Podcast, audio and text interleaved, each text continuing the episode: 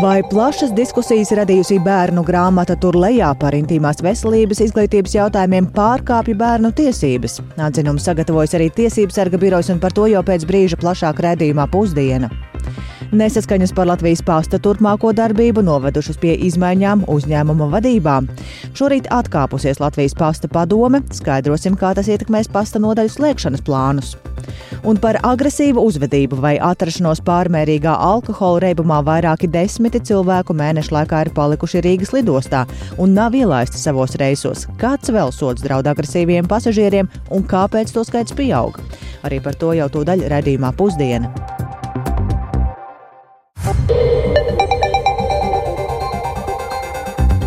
12,5 minūtes skanējuma sāk ziņu raidījums pusdiena, plašāk skaidrojot šīs dienas, 7. februāra būtiskos notikumus. Studijā Dācis Pēkšēna, esiet sveicināti!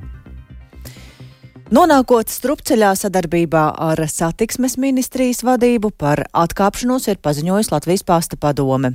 Tā norāda, ka sadarbība nesot bijusi vērsta uz to, lai attīstītu konkurētspējīgu uzņēmumu un neizprotam arī bijusi komunikācija sociālajos tīklos par pasta darbinieku apbalvošanas pasākumu izmaksām.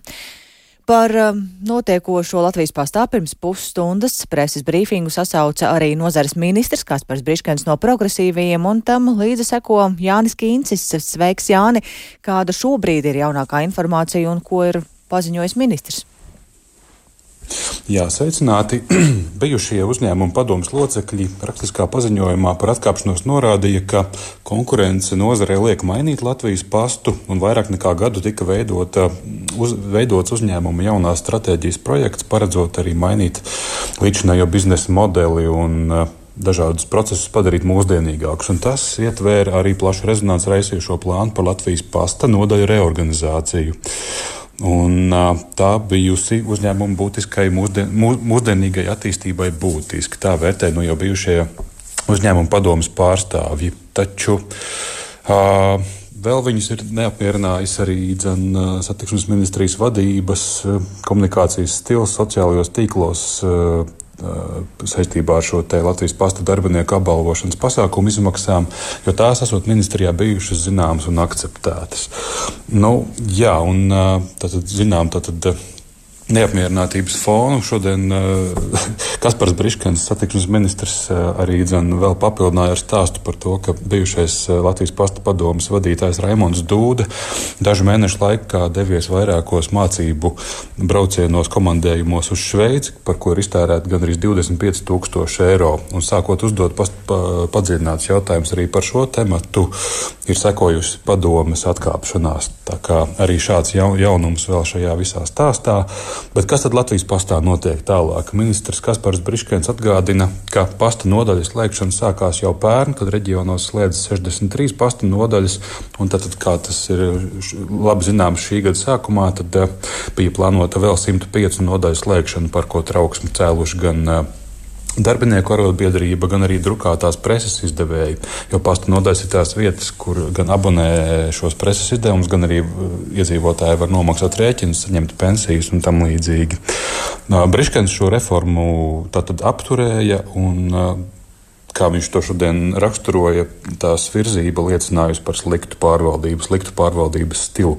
Un viņš sagaida, ka ar, kopā ar uzņēmumu valdi varēs turpināt samērīgākas pārmaiņas uzņēmumā. Tajā skaitā tiks meklēts iespējas pasta nodaļu pakalpojumus sniegt, piemēram, bibliotekās, pašvaldību klientu apkalpošanas centros, arī degvielas uzpildes stacijās vai tam līdzīgi. Un, ja šajā procesā būs nepieciešama papildu līdzekļi, tad viņš tos prasīs tātad ar ārkārtas pieprasījumus valdībā. Nu, lūk, un šobrīd par to, kas būs nākamie, kas, kas strādās Latvijas pasta padomē, pagaidām to vēl pagaidām ministrijā nekomentē. Savukārt uz padomas locekļu amatiem jau tuvākajā laikā tiks izsludināti konkursi. Lūk, tāda šobrīd eh, jaunuma arī no satiksmes ministrijas puses. Tāds ir. Paldies Jānim Kīncim tik tālu par Latvijas pastu, bet izmaiņas sagaida arī citu lielu uzņēmumu Stradiņas slimnīca, kas ir paziņojis par līgumu laušanu ar būvnieku Velve par jaunās slimnīcas korpusu būvniecību. Šobrīd veids nepieciešamās darbības, lai nodrošinātu neatliekamo būvdarbu turpināšanu un pēc iespējas ātrāk varētu izvēlēt citu būvnieku. Slimnīcas padomas pārstāve Gundega Vārpa šodien labdienu! Latvijas radio atzina, ka būvniecība jau ir sadārdzinājusies un līguma laušana ir vienīgā iespēja novērst izmaksu turpmāku kāpumu bez garantētā būvdarbu noslēguma termiņu un kā šajā situācijā rīkosies veselības ministrija par cik ilgu laiku būvdarbi iekavēsies un cik liels varētu būt sadārdzinājums slimnīcas korpusu būvniecībā visbeidzot, kur arī slimnīca ņems naudu un kā tas viss ietekmēs pacientus, to skaidrosim raidījumā pēcpusdiena. Bet vai ir aizskartas bērnu tiesības un labbūtība, to ir skaidrojis Tiesības sarga birojas, vērtējot situāciju ar bērnu grāmatām par veselības izglītības jautājumiem, par ko arī sabiedrībā bija plašas diskusijas. Un tāpat arī vērtēts, cik atbilstoši šajā jomā ir nevalstisko organizāciju metodiskiem materiāli speciālistiem. Tiesības sarga secinājumi nu pat ir darīti zināmi plašāk, un tos uzklausīja Agnija Lazdiņa. Sveika, Agnija! Ko tad Tiesības sarga birojas ir secinājis? Uh, labdien! Tātad, vērtējot lietu saistībā ar bērnu aizsardzību no kaitējošas seksuālas uzvedības, Tiesības sarga birojas secinājis, ka metodika, pēc kuras šajā jomā tiek apmācīti izglītības speciālisti, nav adaptēta Latvijas tiesiskajai sistēmai. Līdz ar to birojas mudina valsti izstrādāt pamatnostādu pamatnostādnes aizsardzībai no bērniem kaitējošas informācijas atbildīgajām nozares ministrijām un arī bērnu aizsardzības centram.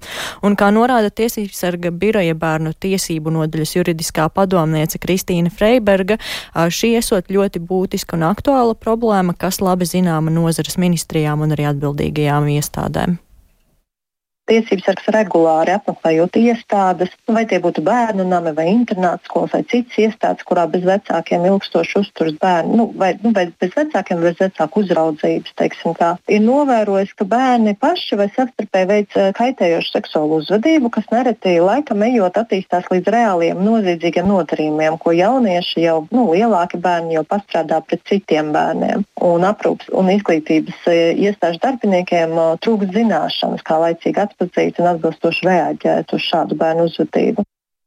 Pašlaik valsts iestāžu darbinieki, aprūpētāji un izglītības speciālisti tiekot apmācīti pēc ārvalstīs izstrādātas metodes, ko piedāvā nevalstiska organizācija, un galvenokārt tās izvirzītie vērtēšanas kritēriji ir apšaubāmi, un diez vai uzlabosies spēja laikus atpazīt kaitējošu seksuālu uzvedību un atbilstoši reaģēt un preventīvi novērš šos iespējamos noziedzīgos nodarījumus.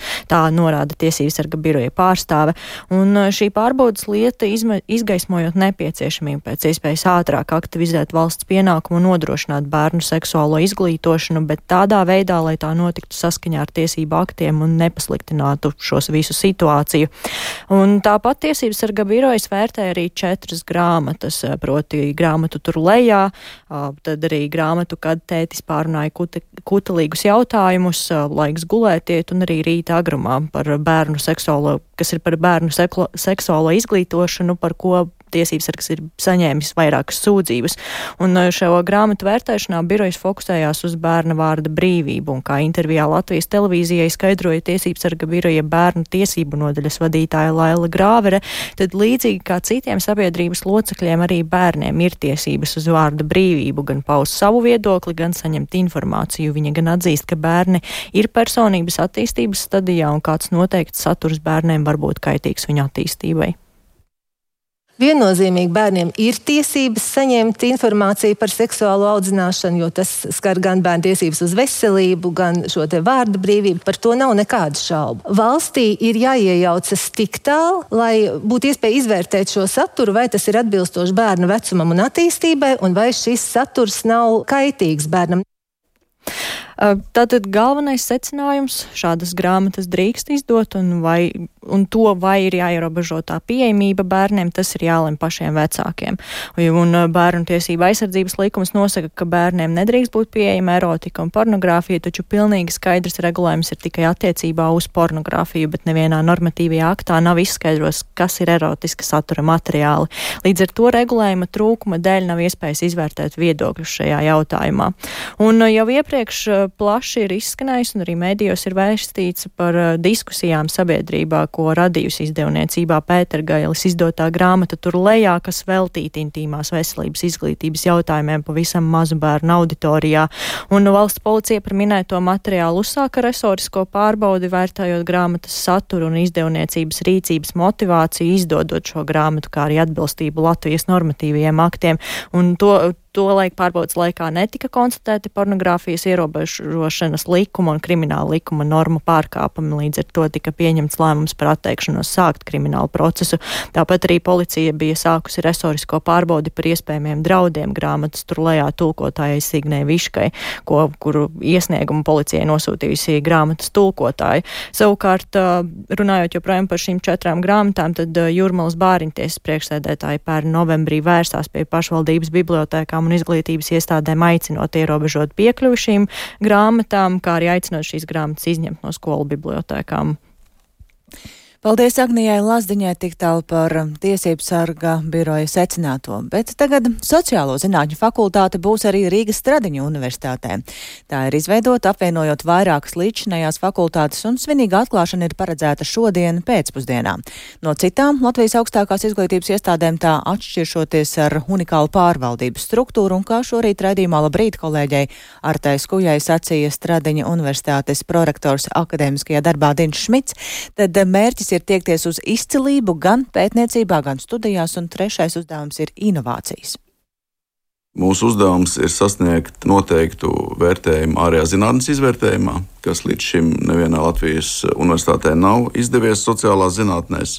Tātad, kā radīt vidi, kurā tas var notikt. Un kā jūs to darīsiet? Šobrīd Stradiņu universitātē ir 23 sociālo zinātņu programmas, un tas, ko mēs vēlamies darīt vairāk, ir veidot sadarbības starp šīm programmām. Mēs esam izveidojuši septiņus virzienus - tātad biznesa un ekonomika, komunikācija un mēdīja, veselības vadība, psiholoģija, starptautiskā politika un sabiedrības studijas, iekšējā drošība un tiesību zinātne. Tātad šādi grupējot kopā jaunie cilvēki, kur nāk pie mums mācīties, vai arī tie būtu doktoranti, tātad atrod veidu, kā mācīties starpdisciplināri Mēs saprotam visu mūsu dzīvi starpdisciplināri. Mēs sasniedzam rezultātus sadarbojoties ar citiem.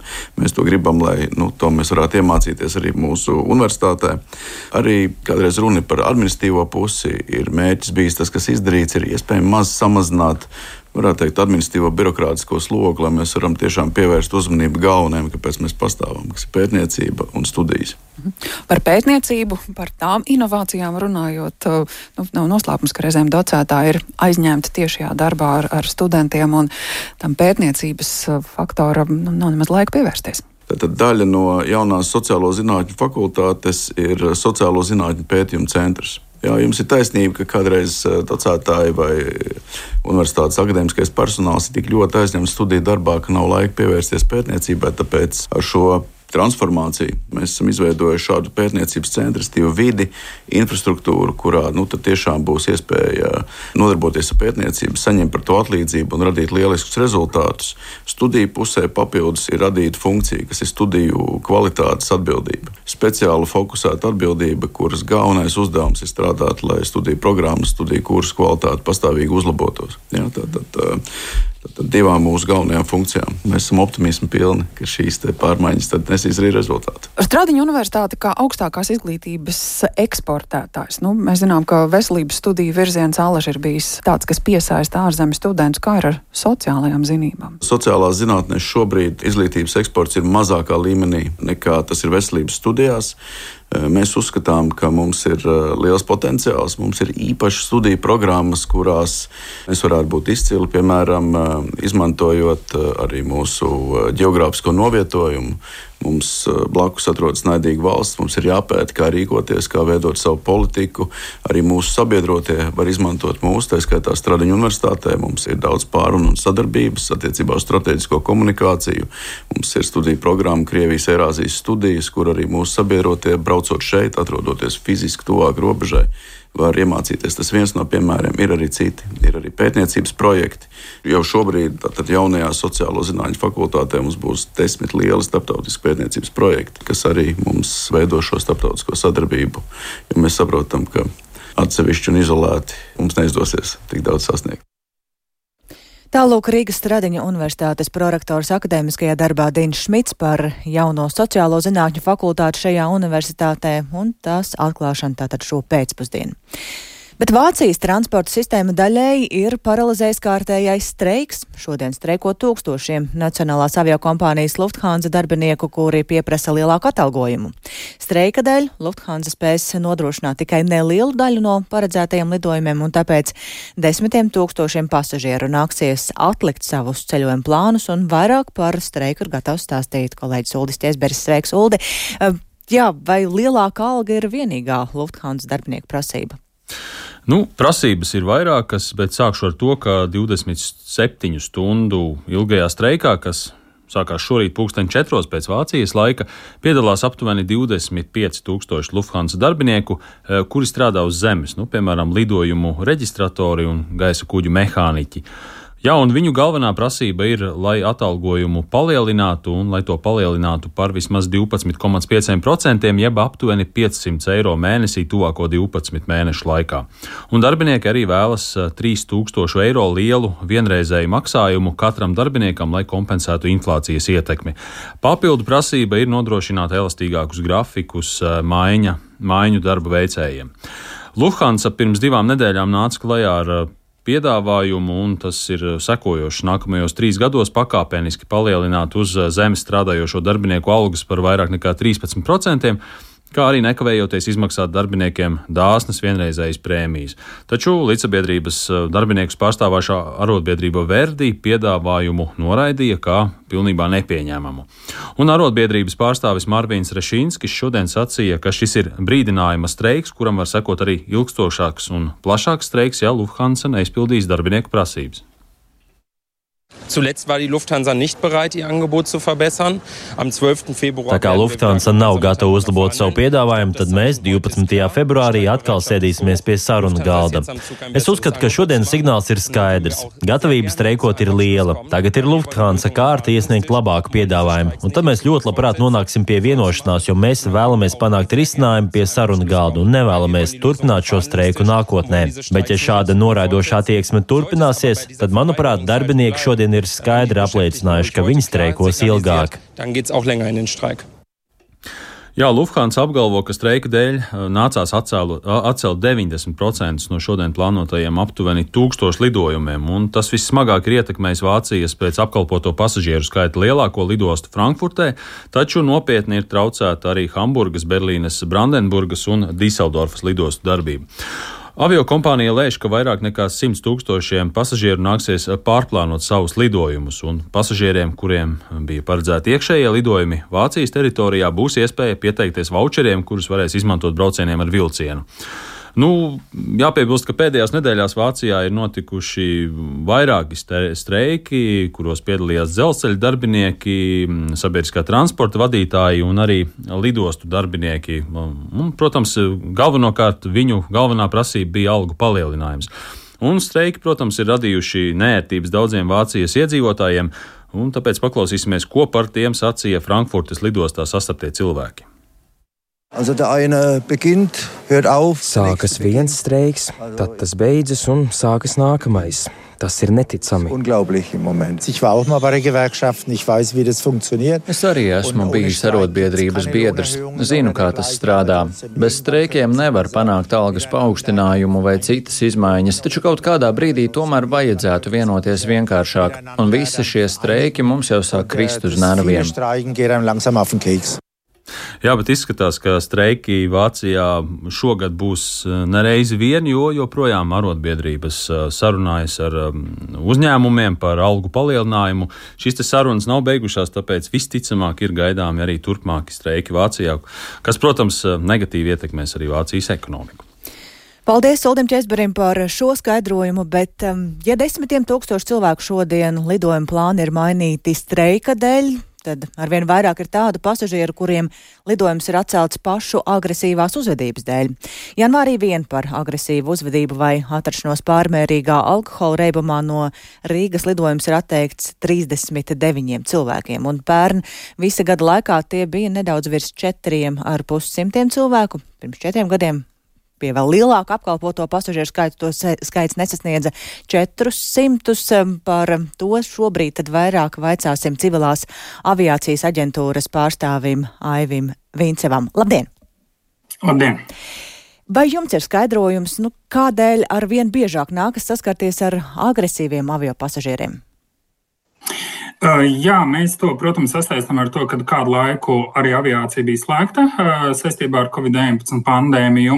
Un tas mūsu novērojums ir arī to, ka pēc šīs mājasēdes vai ilgstošas atrašanās kaut kādā izolētā vietā, tas, kas bija pāris gadus bez iespējas ceļot, bez iespējas atpūsties, cilvēki ir kļuvuši ātrāk, arī agresīvi. Uh, par to liecina arī kaut vai tas apstākļus, ka agrāk arī šādiem cilvēkiem, kur ir pārmērīgi alkohola reibumā, varēja pateikt, ka, diemžēl, mums ir jāatsaka jums lidojumi, tad viņš šo savu nodarīto kaitējumu, vai precīzāk sakot, situāciju izprata un šo tālāko incidentu nevērsa sliktākā. Šobrīd atkal ir tieši pretēji, ka šādos gadījumos par šie cilvēki sāsina savu apstākļu vai, vai šo attieksmi pret drošības darbiniekiem, un tas jau pārvērš arī pie līdz tam, kad ir nāks piemērot fizisku spēku. Bet kā ir, kurā brīdī tā agresija, nu, kur ir tā robeža, kad agresija jau tiek uzskatīta par bīstamu Jebkura veida agresija, kā fiziska, tā arī verbāla, ir agresija, un tā var būt bīstama visu lidojumu laikā, jo to, ko arī mēs esam norādījuši, ka lidojuma laikā alkohola riebums ietekmējās, vai precīzāk sakot, izdara uz cilvēku mazliet savādāk efektu nekā uz zemes. Līdz ar to tas tiek ņemts vērā kā riska pastiprinošs šis apstākļis. Protams, ja cilvēks būs nedaudz iedzērs, ieradies lidostā, smaidīs, neuzvedīsies brutāli, agresīvi, izaicinoši, tad nevienam, neviens viņam nelieks turpināt arī savu ceļu. Bet uh, nereti ir arī tādas situācijas, kad faktiski cilvēks pat nenonāk līdz geitam saucamajam, jo cilvēks jau ir sācis aizgājis uz lidos kafejnīcu, uzsācis diezgan aktīvu alkohola lietošanu, un tad visādos veidos pievērš sev uzmanību ar agresiju, dažādām izpausmēm, skaļu attieksmi, un, diemžēl, tur arī tā, šis ceļojums beidzās. Es gribētu precizēt nedaudz, kam īsti ir nu, tā lielākā bīstamība. Ir runa par apkalpi vai par pasažieriem vai vispār par drošību? Te ir jāskata šis jautājums kontekstā. Drošības riski ir visām iesaistītajām pusēm. Vispirmām kārtām arī šim pašam pasažierim, kurš ir pārmērīgi alkohola reibumā. Jo, pieņemsim, ārkārtas situācijā, kad gaisa kuģis ir dažu minūšu laikā jāevakuē, tas ir skaidrs, ka šāds cilvēks var traucēt pirmām kārtām pāriem evakuēties, otrām kārtām visticamāk, arī viņam pašam būs grūtības evakuēties.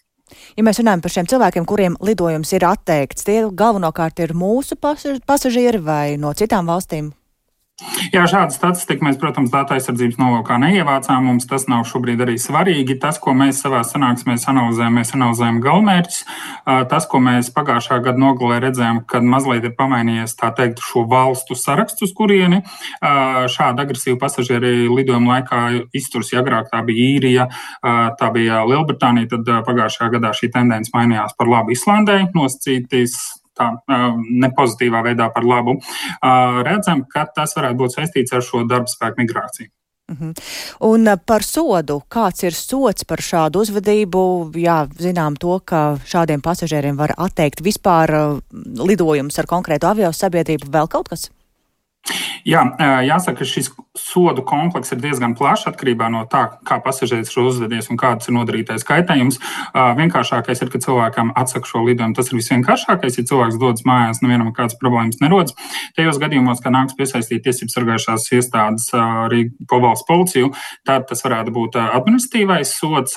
Tieši tāpat, ja kaut kādi incidenti ir bijuši arī gaisa kuģī, tad avio kompānijām ir tiesības izvērtēt un ievietot uz laiku vai uz mūžu pat šo pasažieru saucamajā melnajā sarakstā, un nebūs iespēja šim pasažierim vairs pārvietoties ar konkrētu avio kompāniju. Nu, ir arī, diemžēl, tādi ļaunākie gadījumi, kad šādu pasažieru dēļ ir nācies veikt ārkārtas noslēgšanos. Šādos gadījumos arī pret pasažieru var vērst desmitiem tūkstošu lielu piedziņu par radītiem zaudējumiem. Latvijas praksē nav bijis, bet citu valstu praksē ir jāreikinās ar to, ka ir piemērot arī cietumsodi. Mēs šobrīd runājam par cilvēkiem, kuri nav nonākuši līdz savam lidojumam, bet vai bieži ir tādi gadījumi, kad cilvēks kļūst agresīvs, piemēram, alkohola rebmā vai kā citādi tieši lidojuma laikā? Jā, kā mēs redzam, arī pēc statistikas arī ir būtiski pieaudzis to pasažieru skaits, kas tieši šī agresija izrāda jau lidojuma laikā. Tāpēc, protams, drošības dienesti lidlauka teritorijā lidostā dara visu iespējamo, lai jau viņi nenonāk līdz šim lidojumam. Bet nav izslēdzams un, un, un pasažieriem ir iespējas, un tas, ko mēs arī redzam, ka viņi paņēmuši šo alkoholu līdzi, turpina lietot lidlaukā, lidmašīnā, un tad lidojuma laikā arī nu, viņu attieksme un, un, un viss mainās. Paldies liels par sarunu civilajās aviācijas aģentūras pārstāvim Haivim Vincevam. Es tikai piebildīšu, ja mēs runājam par uh, Latvijas uh, avio sabiedrību Air Baltica, tad tieši ierobežojumi uz laiku vai mūžu izmantot līdzsabiedrības pakalpojumus pērni ir noteikti septiņiem pasažieriem un vēl pirms gada tāda ir 15. Bet, kā dzirdējām, tad sodi mēdz būt arī ne tikai šādi, bet arī daudz plašāki. Paldies! Ar to tad arī izskan raidījums pusdiena. To producēja Ilze Agīnta, ierakstus montēja Kaspars Groskops par labskaņu rūpējās Jāna Dreimane un ar jums sarunājās Dāca Pēkšēna. Mūsu raidījumu, kā ierasts, var klausīties arī sev vērtā laikā, meklējot to Latvijas radio mobilajā lietotnē, atrodot dienas ziņas. Un tāpat arī sekojiet līdz LSM LV. Yeah.